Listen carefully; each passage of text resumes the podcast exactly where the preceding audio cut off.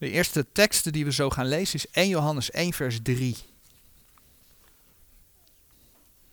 Ja, wij hebben gezien een aantal uh, diensten achter elkaar dat de mens bestaat uit geest, uit ziel en uit lichaam. Door de zondeval is de mens geestelijk dood voor God. Maar door de, door de wedergeboorte, door de doop van de Heilige Geest, gaat die menselijke geest weer leven voor God. We zagen dat de geestelijke besnijdenis die dan plaatsvindt, ervoor zorgt dat, dat het lichaam des vleeses geestelijk gezien wordt uitgetrokken, waardoor je ziel niet meer in aanraking is met het vlees. Waardoor je ziel dus Gods rechtvaardigheid kan dragen. Je bent daardoor behouden. En dan zien we dat de Bijbel zegt dat de zonde in het lichaam woont, in het vlees woont. Ja, en daardoor, dat zie je ook in de Bijbel, je lichaam vergaat nog. Dat heeft ook met die zonde te maken. Maar in Christus ontvang je bij de opname van de gemeente een opstandingslichaam. Ja, maar tot die tijd leven we hier op aarde. En onlangs hebben we het gehad over het als gelovige zoeken van Gods vergeving. We zijn in principe vergeven. Dat is onze positie in Christus. Maar ja, de toestand waarin we aangetroffen worden, die is niet altijd heilig. We zondigen nog steeds, doordat we in ons vlees leven. En dat betekent dat er dus iets in de relatie tussen, tussen, ja, tussen jou en de Heer kan komen. En dan is het dus goed om te weten dat je je zonde kunt beleiden. Om op die manier Gods vergeving te zoeken, om jezelf te reinigen. Waardoor de relatie met de Heer, de Heer spreekt in zijn woord over gemeenschap met de Heer, dat die weer goed is. Nou, dan hebben we het vandaag eigenlijk met name over, over die gemeenschap. En dan willen we als eerste dat vers in 1 Johannes 1 vers 3 lezen. 1 Johannes 1 vers 3. Hetgeen wij dan gezien en gehoord hebben, dat verkondigen wij u, opdat ook gij met ons gemeenschap zoudt hebben. En deze onze gemeenschap ook zij met de Vader en met zijn Zoon, Jezus Christus. Je mag dus een relatie hebben, je mag gemeenschap hebben met de Heer. Als gelovige, als wederom geborene. Nu was dat oorspronkelijk ook Gods bedoeling. En dan bladeren we terug naar, uh, naar Genesis. Genesis 3, vers 8 tot en met 10. En daar lezen we. Genesis 3, vers 8. En zij hoorden de stem van de Heere God wandelende in de hof aan de wind des daags. Toen verborg zich Adam en zijn vrouw voor het aangezicht van de Heere God in het midden van het geboomte des hofs. En de Heere God riep Adam en zeide tot hem, waar zijt gij? En hij zeide, ik hoorde uw stem in de hof en ik vreesde, want ik ben naakt, daarom verborg ik mij. Dit gedeelte dat speelt na de zondeval. Maar wat lezen we in die versen? In die versen zien we dat Adam en Eva de Heere God herkenden aan de stem, aan zijn stem. Zij herkenden hem aan de wind des daags. Blijkbaar had de Heere God dagelijks in ieder geval een moment dat hij in die hof wandelde. Want dat lezen we in die versen. Zij herkenden zijn stem daaraan. Met andere woorden, Adam en Eva hadden in dat paradijs een relatie met de Heere God. Zij leefden in gemeenschap met de Heere God. Genesis laat er verder niet heel veel over zien, maar dat kun je wel lezen in die versen. Natuurlijk is dat door de zondeval veranderd. Maar we weten dat dat terug gaat komen. Ik heb net Genesis 3, vers 8 tot en met 10 over het begin, over de schepping gelezen. Maar als je naar de nieuwe hemel en de nieuwe aarde gaat kijken, Openbaring 21, vers 3, daar lees je dat God weer bij de mensen is. Openbaring 21, vers 3. Dat is dus na het duizendjarig vrederijk, dus na de opname van de gemeente, na de grote verdrukking, na het duizendjarig vrederijk, vindt uiteindelijk het laatste oordeel plaats. Nou, dat de Satan zelfs nog een korte tijd is losgelaten, vindt het laatste oordeel plaats. En dan lezen we over de nieuwe hemel en de nieuwe aarde. En dan lezen we onder andere in Openbaring 21, vers 3. En ik hoorde een grote stem uit de hemel zeggende: Zie, de tabernakel Gods is bij de mensen, en hij zal bij hen wonen. En zij zullen zijn volk zijn, en God zelf zal bij hen en hun God zijn. Dat komt dus terug. Maar het mooie is dat we dus in 1 Johannes 1 vers 3 gezien hebben dat de Heere God ook vandaag de dag gemeenschap met je wil hebben. Ja, en dat is mogelijk door de wedergeboorte. Zoals we al eerder zagen, laat 1 Korinthe 6 vers 17. 1 Korinthe 6, vers 17. Zien dat we één geest met de Here zijn. Nou, dat kan alleen maar door de wedergeboorte. Maar die de Here aanhangt, is één geest met hem. Dus door de wedergeboorte ben je al één met hem. En ja, de Heere wil bij je zijn. Hij wil met je communiceren. Hij wil je leiden. Ook vandaag de dag zie je dat veel mensen die gered zijn en dus in Christus zijn, vooral aards, vleeselijk gericht zijn. Dus vooral ook met aardse dingen bezig zijn. En als je beseft dat je als gelovige één geest bent met de Heer, dan duidt dat er vooral op dat dat gaat om een geestelijke relatie. Een geestelijke gemeenschap. De Heer toen hij op aarde was, en dat kun je vinden in Johannes 18, vers 36, in de Statenbijbel, en de nieuwe vertaling hebben dat weggelaten. Daar zei de Heer Jezus al tegen Pilatus, maar nu is mijn koninkrijk niet van hier. Dus toen de Heer Jezus Pilatus antwoord gaf, toen zei hij, maar nu is mijn koninkrijk niet van hier. Waarom is dat woordje nu zo belangrijk? Omdat dat koninkrijk eens wel gaat komen. Maar dat aardse koninkrijk, dat is er nog niet. Dat is ook nu nog toekomst. Dus daar waar mensen vooral gericht zijn op aards geluk, aardse bezittingen, aardse baan, maar net zo goed je gezondheid, oftewel het moet hier op aarde allemaal roze geur en zijn, dan klopt er iets niet. De gemeenschap die je vandaag de dag met de Heer kunt hebben, is in de eerste plaats een geestelijke gemeenschap. Maar ja, wanneer kun je nu spreken van gemeenschap met de Heer? Nou, als kind van God is het heel goed om je basis te kennen. Als kind van God ben je een nieuw schepsel. 2 Korinthe 5 vers 17. Dat is geen onbekende tekst, want die is wel vaker voorgelezen. 2 Korinthe 5 vers 17. Zo dan, indien iemand in Christus is, die is een nieuw schepsel. Het oude is voorbij gegaan. Zie, het is alles nieuw geworden. Je bent dus nieuw. Als je de Heer Jezus hebt aangenomen als je persoonlijk verlosser, ben je nieuw, ben je een nieuw schepsel.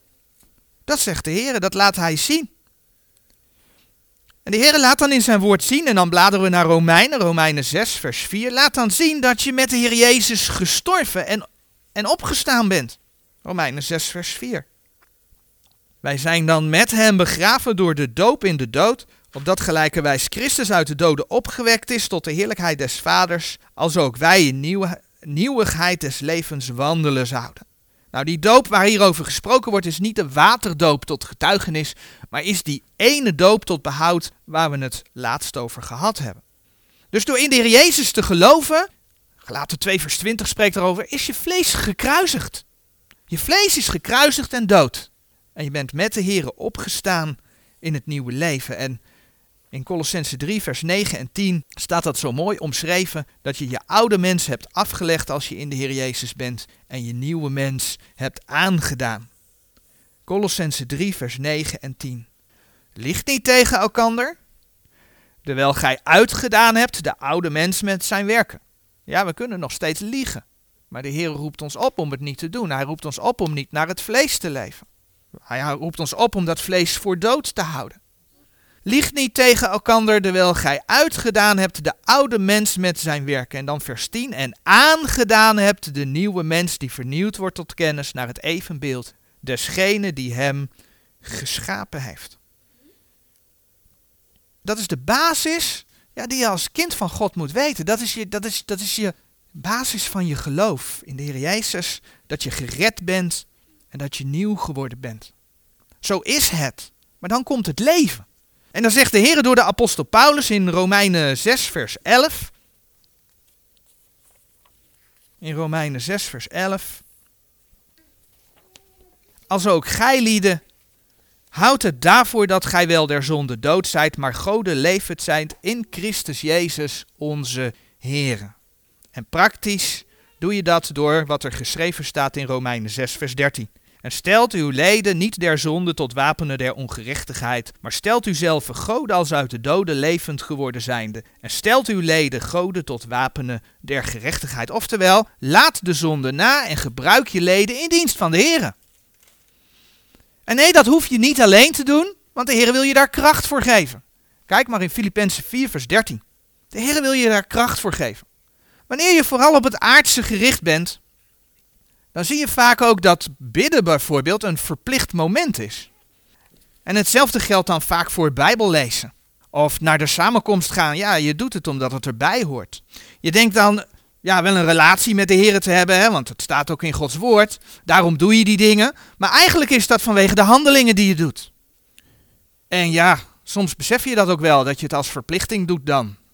En je doet die dingen zodat, zodat je, ja, kan de Heer om hulp vragen bij de dagelijkse dingen die ik doe. Moeilijke taak op het werk, een proefwerk op school, noem het maar op, andere dingen.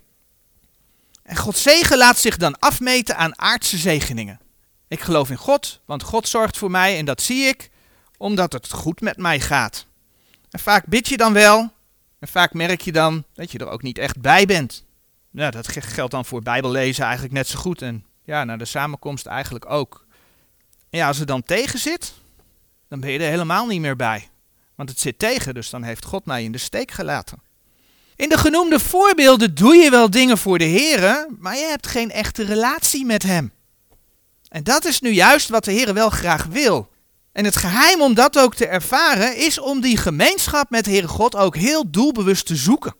Eigenlijk wat Romeinen 6 vers 13, het vers wat we net gelezen hebben, zegt.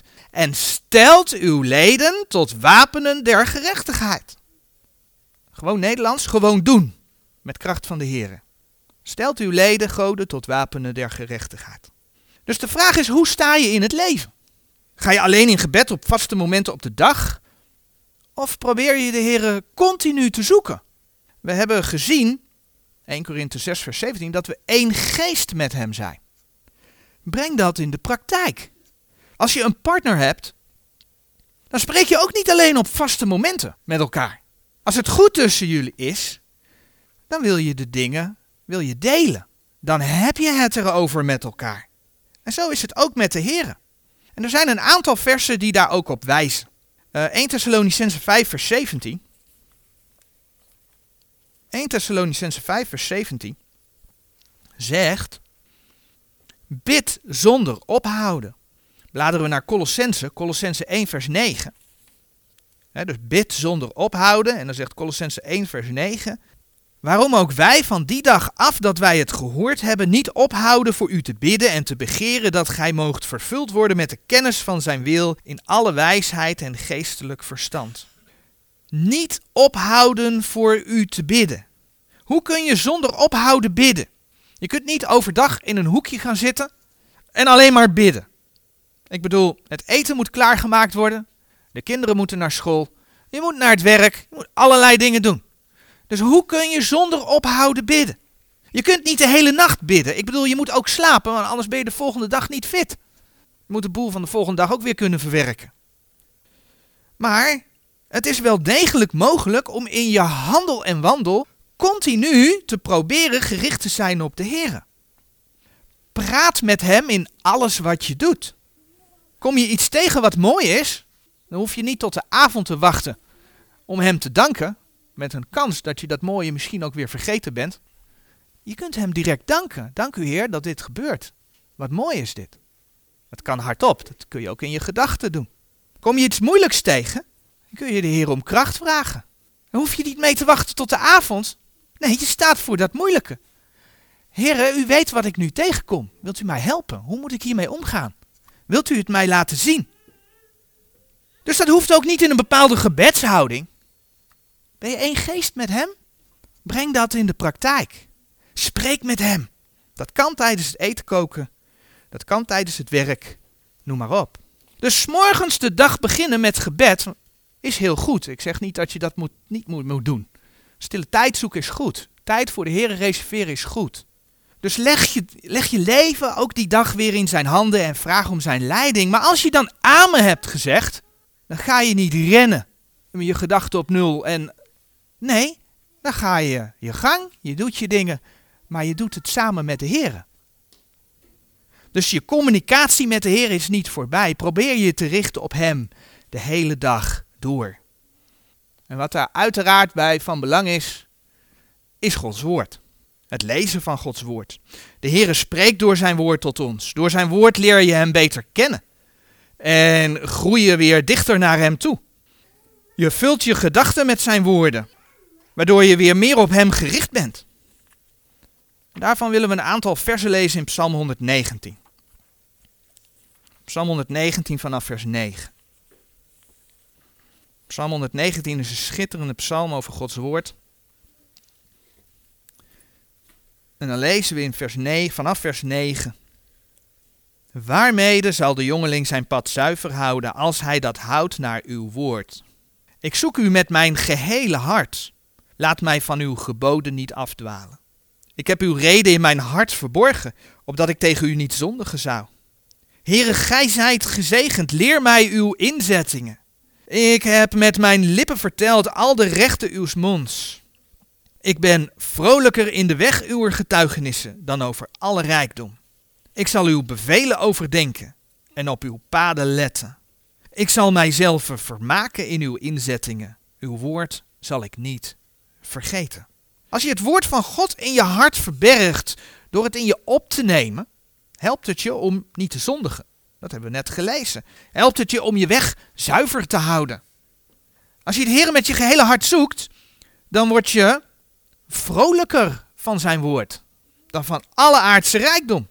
En je gaat dan verlangen naar dat woord. En dan is het geen verplichting meer, dan gaat het je vermaking worden.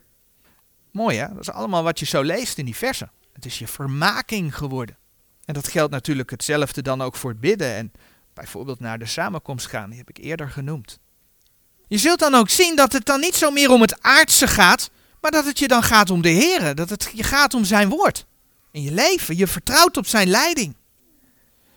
Maak je je zorgen, zeg het hem. Zing een lied tot eer van hem.